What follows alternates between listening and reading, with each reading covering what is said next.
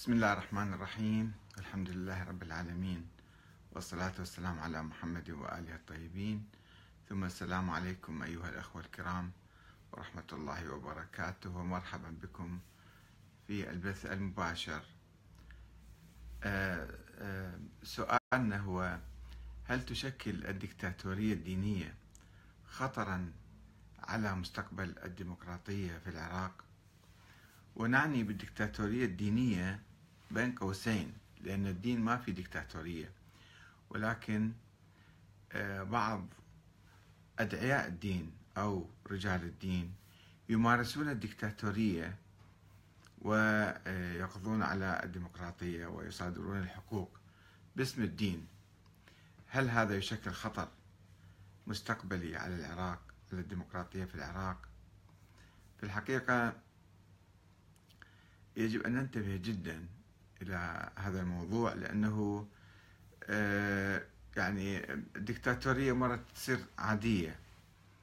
واحد حاكم يستولي على السلطات ويصير يعني يقتل ويعتقل و... ومرة الدكتاتورية تجيب إطار ديني خاصة عندما نبالغ ونغالي برجال الدين أو بالمعممين أو بقادة الحركات الإسلامية حتى أنه هذا خلص هذا ما دام يحمل اسم الإسلام أو يرتدي زي المعممين وزي رجال الدين فيصبح مقدس وبذلك تختل المعادلة الاجتماعية السياسية.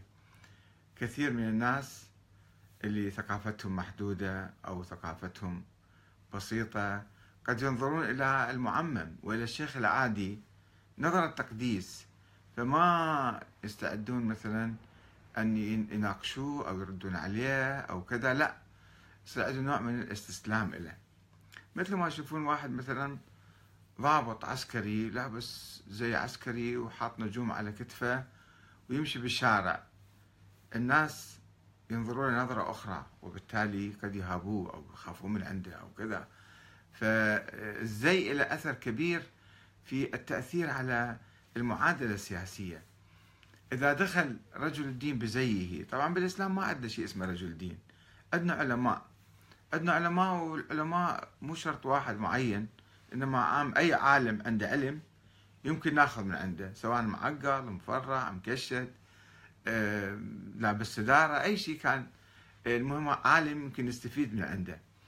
أما أنه بزي معين باسم معين بلقب معين آه، ننهار أمام هذا الإنسان.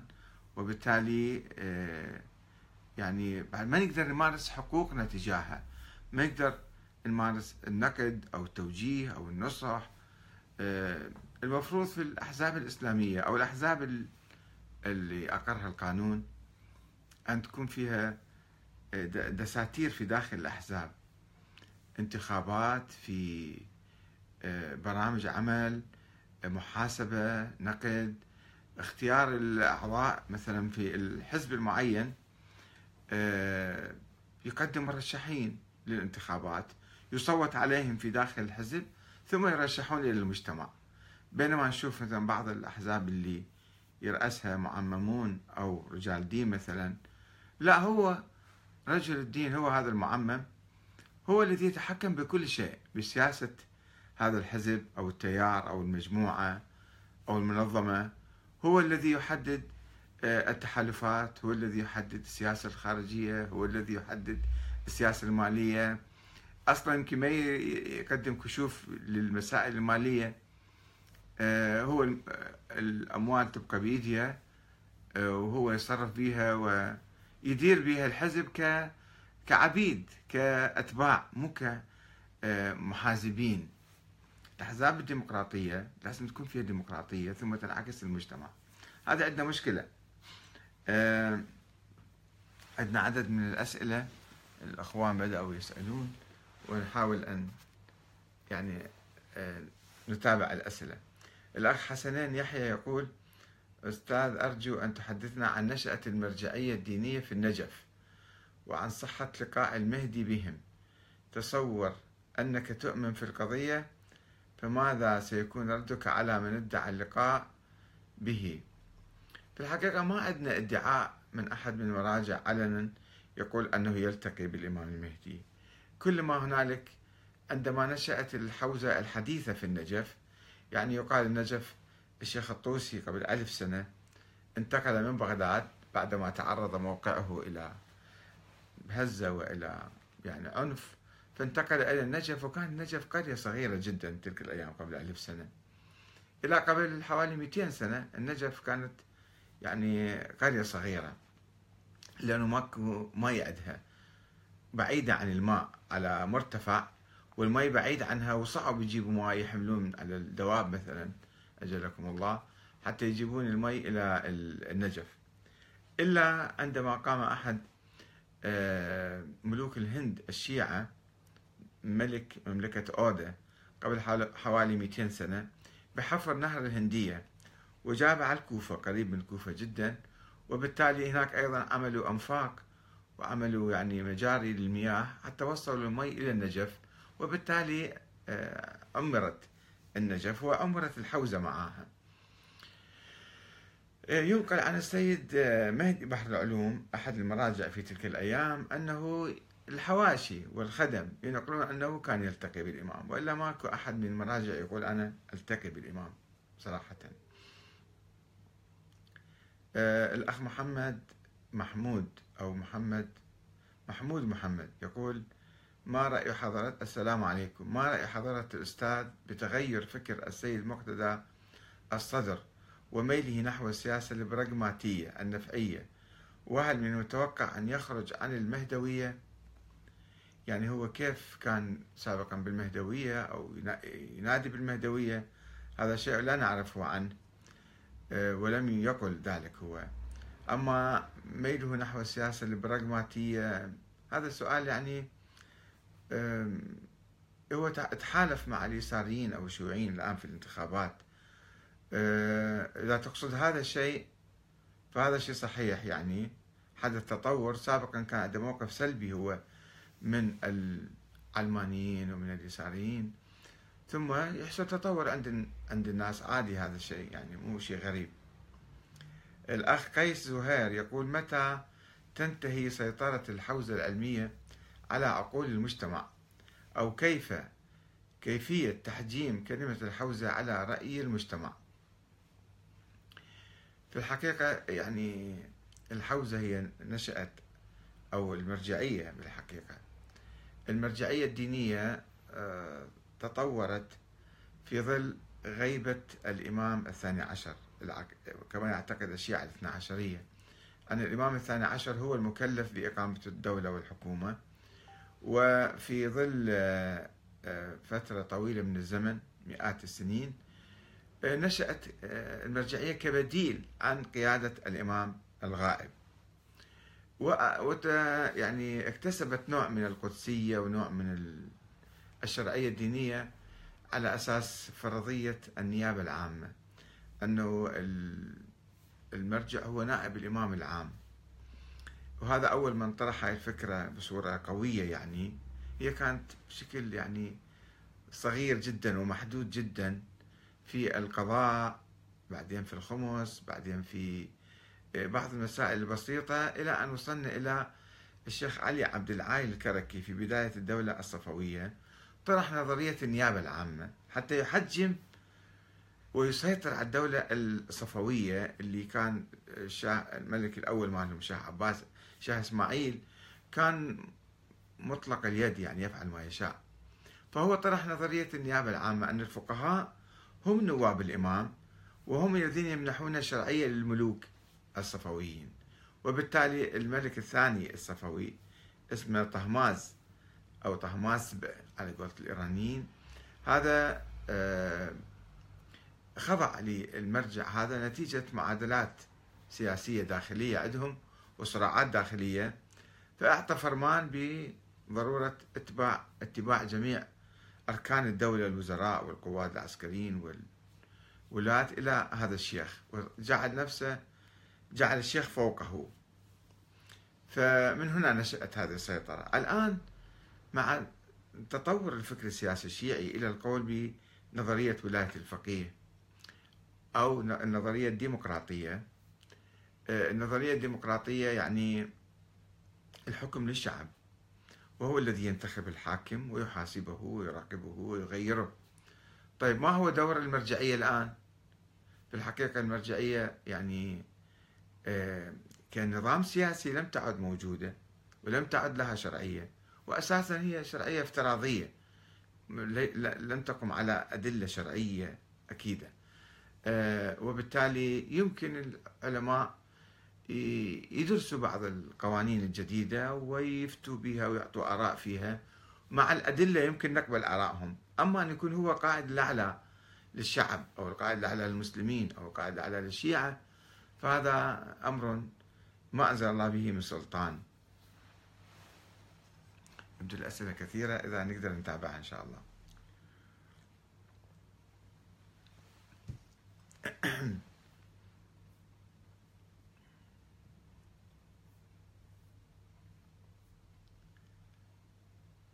الأخ محمد عراقي يقول آه، أتذكر سألتك هل تقتات الحوزات على أموال الأضرحة؟ ولم تجاوب. يا أخي الكريم إذا أنت متذكر سؤالك أنا يوميا تجيني يعني عشرات الأسئلة فما أتذكر سؤالك وأعتذر عن آه، عدم الإجابة سابقا عليه. الحوزات آه، أو المرجعيات لا تقتات على أموال الأضرحة لأن هذا عندها مشاريع العتبات المعروفة يعني. عندهم مشاريع اجتماعية واقتصادية وخيرية وكذا وموظفين ويديرون أمورهم وهي تابعة إلى الأوقاف الشيعية. المراجع عندهم أكثر شيء الخمس والأثلاث. كثير من الشيعة المؤمنين عندما يتوفون يوصون بثلثهم للمرجع أو مثلا أوقاف معينة.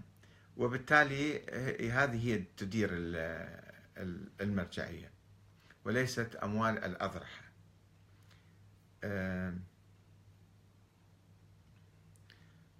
هل تعتقد أن لا إمام هناك الآن؟ أحمد الخزاعي. في الحقيقة مو أنا أعتقد أو ما أعتقد أنت شنو تقول؟ يعني تعتقد موجود واحد إمام معين من قبل الله قصدك يعني؟ إمام معصوم يقود الأمة الإسلامية وينه؟ يعني مو معقول ألف سنة ننتظر واحد يطلع حتى يقودنا وحتى يأسس دولة وحتى يدافع عن حقوقنا وينشر العدل ويحارب الظلم؟ ما موجود هذا الإنسان. عمليا ما موجود. يعني ليش نتفلسف هواية؟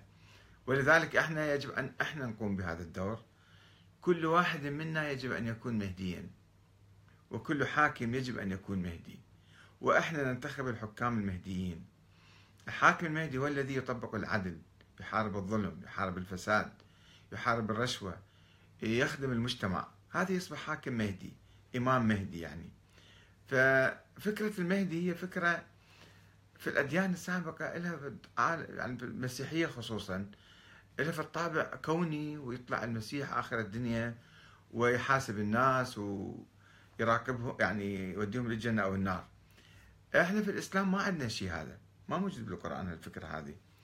إنما فكرة المهدي خرجت وألفت حولها أحاديث كثيرة. آه، أن حكام ظلمة الإمام يعني حاكم رئيس يعني. عندنا حكام ظلمة وعندنا الناس كانوا يأملون أن يجي حاكم عادل فيسموه حاكم مهدي. فسموا الإمام علي مهدي الإمام حسين مهدي محمد بن حنفية توقعوا يكون هو المهدي محمد بن عبد الله ذو النفس الزكية آه، الإمام زيد الإمام موسى بن جعفر أئمة آخرين. دائما كانوا ينتظرون أن واحد يجي و يعني يقوم بهذه المهمة مهمة الهداية. آه، أحمد عزيز يقول باعتبارك ساكن. آه، باعتبارك ساكن في لندن. هل صحيح أن الصهري سيد السيستاني يمتلكان عقارات في لندن؟ والله ما أعرف. بصراحة ما أعرف.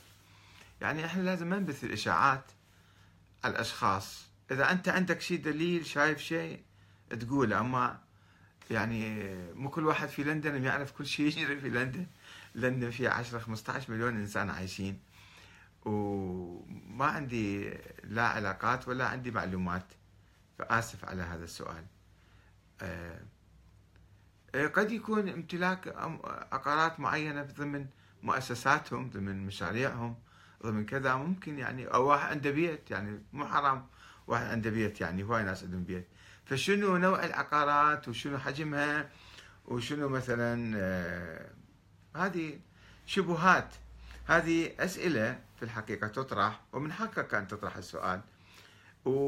ومع الأسف الشديد لو المرجعية يعني شوية تلتفت لهالأسئلة لأن هاي تشوه سمعة المرجعية. كثير ما يحكون الناس بهالمواضيع هذه. آه، المفروض المرجعية تقدم يعني مثل أي دولة.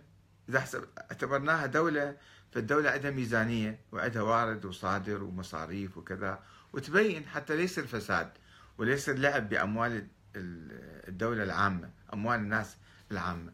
وإذا كانت لا هي أقل من ذلك لنفترض أنها هي جمعية خيرية. الجمعيات الخيرية أيضا لها قوانين وكل جمعية آه، أيضا لازم تكتب شنو دخلها وشنو صدر عنها وشنو صرفت. وبالتالي ما حد يتمكن يحكي عليهم. وإذا أحد تكلم يقول تفضل هذه دفاترنا مفتوحة تفضل تعال شوف منين اجتنا التبرعات وشنو صرفناها؟ وين صرفناها؟ وفي محاسب يقدم أيضا تقرير للدولة. مع الأسف المرجعية الآن لا هي دولة ولا هي جمعية ولا هي بين بين. فتدخلها أموال بالملايين أو بالمليارات يقول بعض الناس. المطلعين طبعا أنا ما أحكي إشاعات بعيدة يعني. تقدر تقدر حسب الناس القريبين من المرجعية تقدر ب 3 مليارات. طيب الآن تروحون إلى أي مرجعية؟ شنو مصاريفكم؟ مصاريف مرجعية السيد السيستاني أنا مرة حسبتها حسب ال ال هم اللي كاتبين في مواقعهم آه، المشاريع المختلفة ورواتب الطلبة. مئة ألف طالب علم عندنا على الأقل على الأقل مئة ألف طالب علم. في إيران وبالعراق وباكستان وأفغانستان وبالهند وبالخليج وبأوروبا وكذا مئة ألف طالب مئة وخمسين ألف طالب. احسب رواتبهم مش قد بالسنة بالشهر وبالسنة. يطلعون تقريبا 350 مليون. 350 مليون دولار. طيب هنا يأتي السؤال. هذا اللي تعلن عنه المرجعية. كم دخل المرجعية؟ حتى لو 300 400 آه، مليون. 50 مليون وين راحن؟ مليار. البقية وين راحن؟ مليارين ثلاث مليارات. وين راحن؟ فالسؤال يجي. فلذلك آه، دائما هناك أسئلة واتهامات وشبهات وشبهات مثيرة ومن حق الناس يسألون طبعا. آه، كأي مؤسسة عامة كأي جمعية عامة لازم الناس يجاوبون هم أهل المرجعية. وعدم جوابهم هذا يشجع يعني اتهاماتهم التهمة عليهم. أنه في ناس وعندهم تقريبا سيد السيستاني وحدة عنده ألف وكيل في العالم. كل وكيل عنده أيضا جهاز وعنده يعني مكتب وعنده كذا وجماعة يشتغلون وياه. إيش قد يجي فلوس؟ إيش قد يودون؟ إيش قد يطلعون؟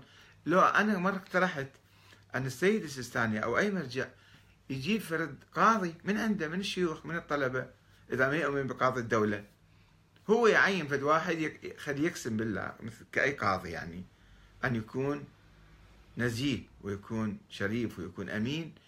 يكون الفلوس المرجعية تجي عنده وأيضا آه، التوزيع وين يصير؟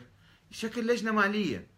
كما كان السيد آه، محمد باكر الصدر رحمة الله عليه كان يفكر بالمرجعية الرشيدة أن يعني تكون مؤسسات وتكون لجنة مالية توزع رواتب للطلبة والمشاريع الأخرى. مو يعني بصورة فردية قوترة ويصير بها لعب.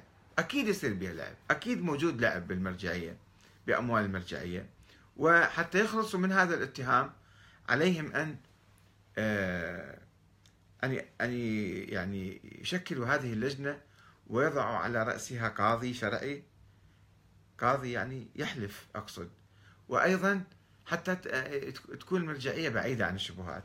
بكرة بعد عمر طويل توفى السيد علي السيستاني رحمة الله عليه مثلا. طيب وين الأموال مالته تروح؟ من يأخذها؟ وين تروح؟ كيف تجي؟ كيف تنتقل؟ إيش قد هي الأموال؟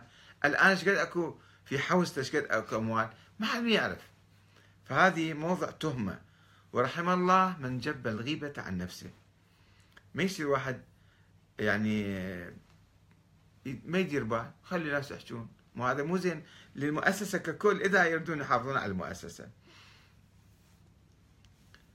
آه أستاذ أحمد أعيد السؤال. كاظم علي هل بات العراق أقرب إلى ولاية الفقيه؟ لكن بمسحة عراقية نتيجة تدخلها في السياسة المتزايد. منو ولاية فقيه تقصد إيران ولا العراق؟ السيستاني إذا السيستاني نعم فعلا هي صايرة مثل ولاية الفقيه. مع الأسف يعني ماكو بالدستور هذا الشيء. لازم الدولة تكون قوية وتكون هي المعبر عن آه، آمال وآلام ومطامح ومشاعر العراقيين وإرادتهم. ما لازم في شيء اسمه معمم أو رجل دين يتدخل في السياسة العراقية. ولكن نتيجة انهيار الدولة وضعفها صار أنه المرجعية هي لها الكلمة العليا. وهي لها آثار سلبية. حتى الفتوى اللي أصدرها السيد السيستاني فتوى الجهاد الكفائي خلت طابع شيعي على الحشد الشعبي. وخلت كثير من الناس وحتى الآن تشوفون دائما ناس يتكلمون عن الحشد كأنه فرشي يعني طائفي كأنه شيعي. رغم أنه هو دافع عن الوطن ويشترك في سنة وشيعة ومسلمين ومسيحيين وتركمان وأكراد حتى. ولكن لماذا التهمة موجهة للحشد لأنه صار بقرار من المرجعية. ليش؟ كان المفروض القائد العام للقوات المسلحة يصدر آه، أمر بالتجنيد التعبئة العسكرية آه، الكذا حتى يتصدى لداعش. ما يحتاج يستعين بالمرجعية. إحنا مو فوضى مو ما عندنا دولة عندنا دولة. لازم الدولة تقوم بهاي الأعمال. أحمد عزيز هذا جوابنا عليه. الأخ كاظم آه، علي ألا تعتقد أن تدخل المرجعية الدينية في العراق بات قاب قوسين أو أدنى من ولاية الفقيه؟ نعم.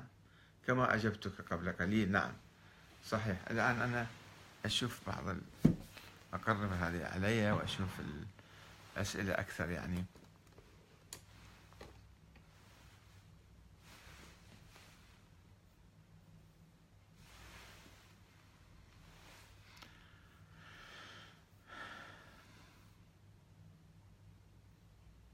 نعم الأخ كاظم علي آه، آه، أنت تقصد في آه، الشأن السياسي وتقصد السيستاني وإحنا أجبناك على نفس السؤال. يعني أنا أتفق معك أنه إحنا يعني الآن والناس مكيفين يعني وهذا تراجع عن الدولة الديمقراطية. المفروض إحنا عندنا دولة ديمقراطية أسسناها الآن أن نعززها تماما أن نقويها نقوي مؤسساتها الدستورية. مو كل واحد يفتح له دكان على صفحة.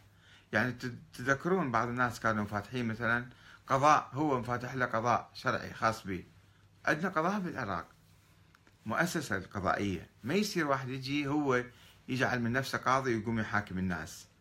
أو أنه قائد سياسي يصير فوق الدولة. هذا خطأ. وأي رئيس وزراء مثل ما يتعين إلا مثل مرجع يوافق عليه. كما في إيران. في إيران ضمن الدستور.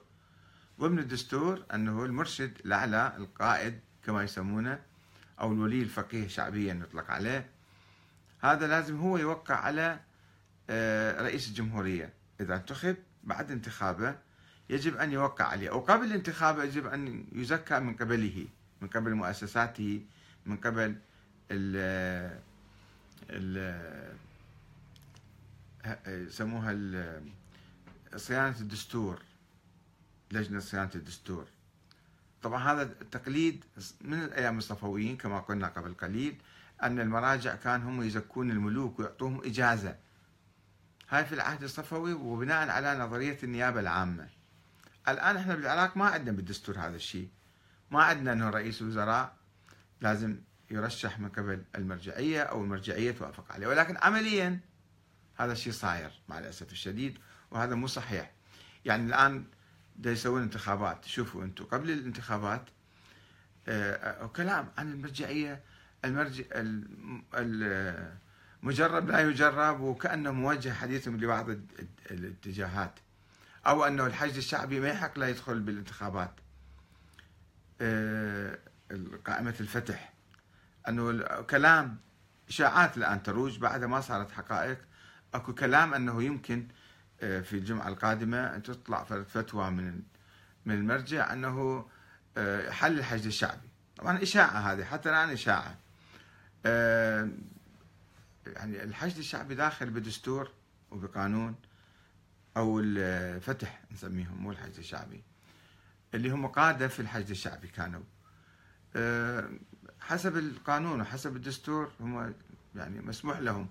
فماكو معنى أن يجي مرجع يمنع ذولا من الترشح أو من بالانتخاب. هذا تدخل يصير. تدخل فوق القانون وضد القانون. أو أنه لا تنتخبون هذا ينتخبوا ذاك. هذا مو من حقك. خلي الناس هم هذا مو مسائل خاضعة للفتوى خلي كل واحد هو يعرف تكليفه من المواطنين مع الأسف الشديد. في تداخل هذا. هذا يضر العملية الديمقراطية ويخربها.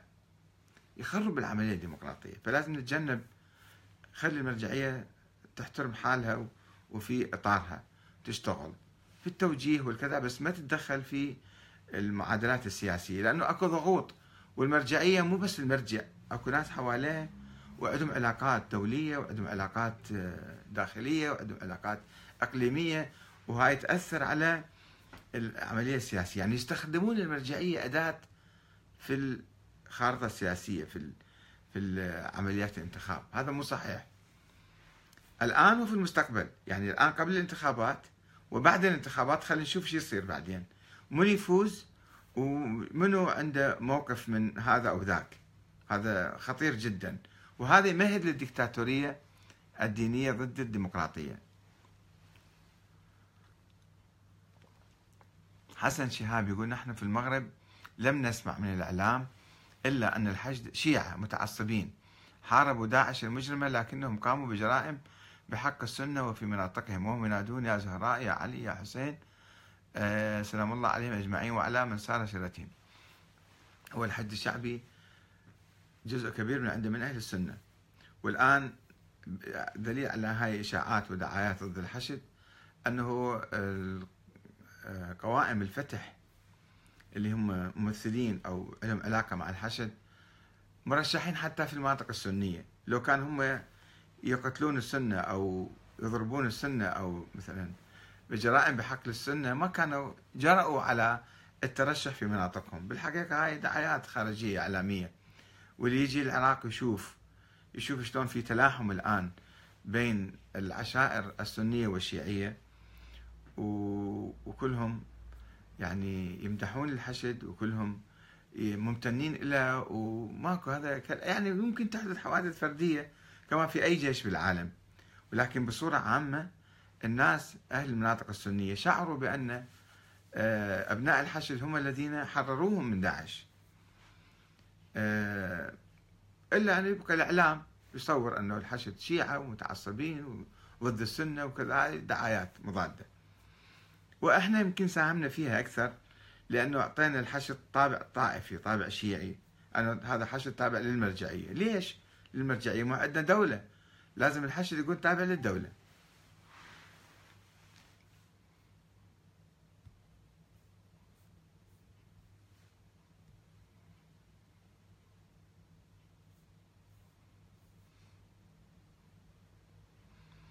الأخ حمزة بن أحمد.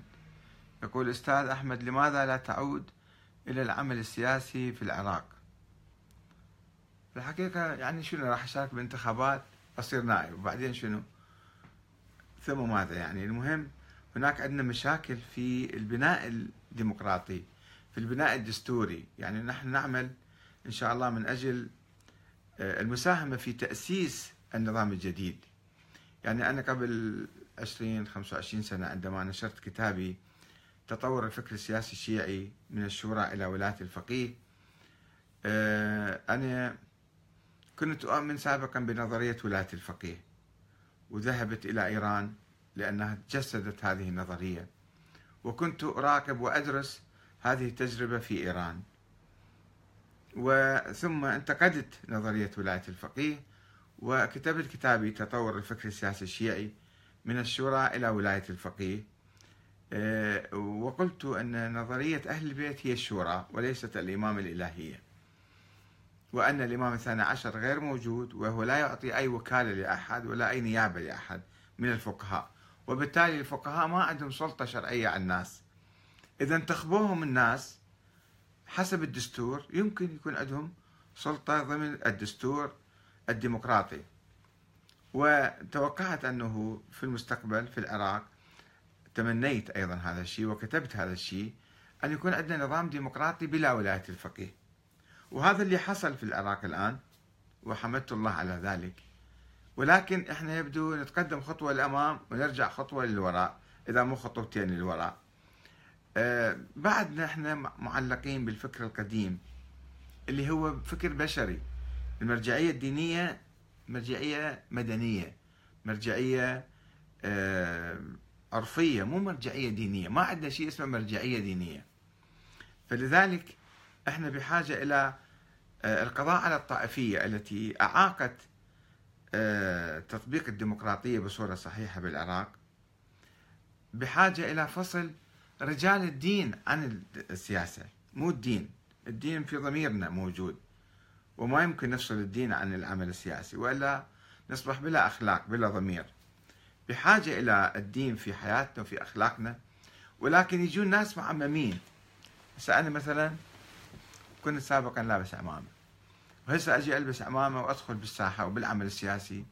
أكون يعني أشكل معادلات أخرى. يعني بعد الناس يتكلمون معاي يعني مجرب وشايف أعرف هالشيء هذا.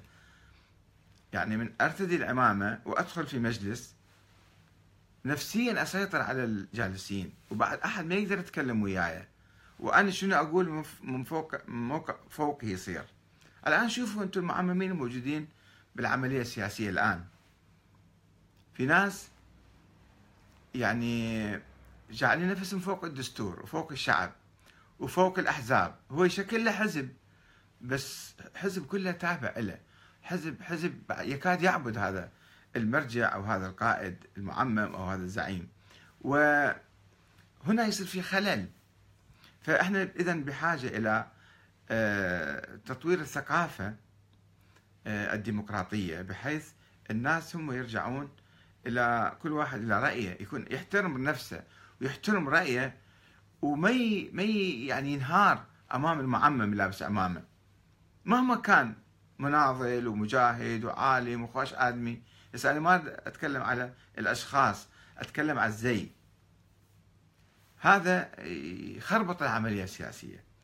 بحاجة إلى بناء المجتمع العادل اقتصاديا حتى الناس يكونون ما محتاجين إلى أحد يبتزهم ويرشيهم. تعالوا آه انتخبوني ولا أنا مثلا آه يكون يستعبد الناس. اليوم قرأت خبر قبل قليل أن السعودية والإمارات تكفلوا بمساعدات للمناطق المنكوبة بالعراق أو استثمار مليار ونصف. وقالوا الآن مأجلين هذه الأموال مالتهم حتى يشوفون الانتخابات القادمة شنو تفرز. زين هم كأنه حاطين هاي الفلوس نوع من الرشوة الآن للناس أنه انتخبوا واحد اللي نحبه واللي نريده ومن أصدقائنا حتى نعطيكم فلوس في المستقبل. والله يعلم صدق يعطون لهم يعطون. بس الآن يستخدمون الأموال في الابتزاز السياسي. إذا أجي واحد ما يعجبهم أو واحد صديق إيران مثلا فراحوا بعد ما يعطون فلوس. فالناس شنو يقولون؟ يخافون. ها والله خلي انتخب هذا حتى تجيني الفلوس. هذه هذا يعني استثمار الوجع العراقي والآلام العراقية وال فقر أو النكبة الموجودة بالعراق في بعض المناطق ابتزاز الناس بالمال وفي الانتخابات. يعني يدخلون بالانتخابات. فاذا لازم نكون إحنا أغنياء ومستقلين وما نحتاج لاحد لا على مستوى الداخل ولا على مستوى الخارج. وأيضا آه، ثقافتنا تكون ما ننظر إلى أي واحد آخر هو فوق الدستور وهذا ممثل الدين وممثل الله ممثل الإمام المهدي وممثل كذا. وبعض الشيوخ يعني الآن في النجف مع الأسف الشديد. يعني يقول ليش تقول دجال عليهم؟ يقول لك أنا وكيل الإمام أنا سفير الإمام أنا آه، ابن الإمام المهدي. وهو دازني حتى أنا أكون اليماني. وأسس جيش الغضب وحتى أجي أحكم بالعراق. وأمهد للمهدي. وهذا دجل هذا نوع من الابتزاز. ودول الجماعة اللي يتبعون. عقولهم كلها راح تسلب بعد ما حد ما يقدر آه، يفكر بصورة سليمة.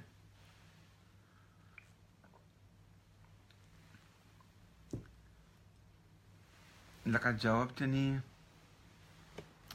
حسن الشاب يقول نعم أستاذي هذا تلبيس على الأمامة أن تقحم مكانتك الدينية في مجال السياسة ويصبح كل من يقول بخطأ المعمم في تسيير شؤون الدولة عدوا للدين. بن حمزة بن أحمد لقد جاوبتني حول بناء الإنسان أولا أو الديمقراطية. الإنسان هو أهم شيء حتى تبنى ديمقراطية جيدة سودي إراك يقول أدعو الأحبة جميعا. دعونا نتكلم فكر بعيدا عن السياسة والانتخابات. شكرا. أه هل تعتبر أحمد الخزاعي؟ هل تعتبر من يعتنق أفكارك وأطروحاتك شيعيا أم عمريا وكيف لك تحياتي؟ أخي العزيز يا أخ أحمد الخزاعي إحنا نحب أهل البيت ونحب الصحابة الكرام ونحترم الخلفاء الراشدين ونحترم ما عدا بعض الناس اللي مسيئين أو منافقين أو قتلة أو مجرمين حسابهم واحد. آه إنما أساسا مسألة أن أكون شيعي أو أكون سني على قولتك عمري مثلا. آه هذا شيء وهمي هذا شيء تاريخي. هذا شيء كان في جدل قبل 1300 سنة 1200 سنة آه أنه النظام السياسي كيف يكون ومن أحق بالحكم؟ أهل البيت أحق بالحكم لو العباسيين اللي هم أهل العترة يعني. أم قريش الأمويين وداخل أهل البيت هم يا جناح جناح الحسنيين ولا الحسينيين الإسماعيليين ولا الموسويين. الصراعات كانت داخل العوائل هذه. أه وراحوا كلهم قبل 1300 سنة 1400 سنة. الآن إحنا أمام فكر جديد اللي هو الفكر الديمقراطي. إحنا يجب أن نبني بلدنا ديمقراطيا. ونتخلص من مخلفات التاريخ ومن مخلفات الأفكار المنقرضة والبائدة والقديمة. فأنا ما أعتبر نفسي ولا أعتبر أني يعتنق أفكاري هذا شيعي أو عمري، لا إحنا مسلمين إن شاء الله وديمقراطيين نؤمن بالديمقراطية، فخلي نفهم هذا التحول الكبير الحاصل بالبلد وحاصل الآن في الوقت في العصر الحديث وما نظل مشلبين في التسميات القديمة البائدة. الأخ مورتي جاسم. منتظر. يقول السلام عليكم. اليوم أخذ سألت كيف أحمد الكاتب ينكر كل روايات المهدي لأنها خرافة ويقبل بولادة عيسى وحوت يونس وكذا؟ يا أخي العزيز إحنا نؤمن بالقرآن الكريم والأخت الكريمة اللي سألت أيضا. آه، إحنا نؤمن بالقرآن الكريم وكل ما يقول القرآن نحن نسلم به. ما عندنا جدل لأن آمنا بالله وآمنا بالنبي محمد. أما ما بعد ذلك كل واحد يجيب لنا أسطورة. ويجيب لنا قصة وهمية. ويقيسها على الآخرين فهذا ما يجوز ما يمكن نقبل هذا الشيء.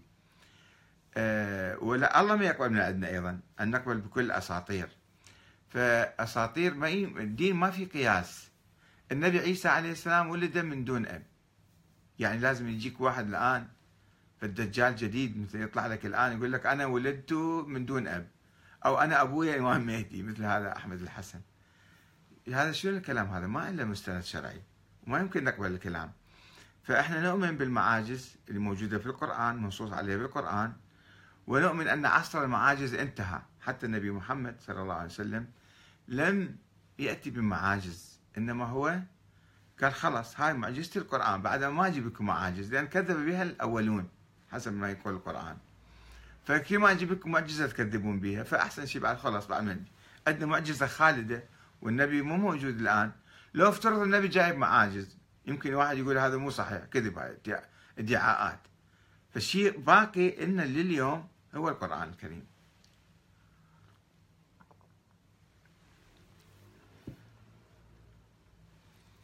حسين ألبو عوض يقول صادف زيارتي العراق يوم 15 شعبان.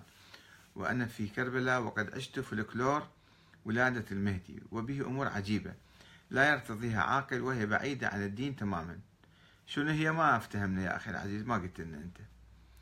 آه يعني يمكن ممارسات فردية بعض الناس يسوون أشياء. آه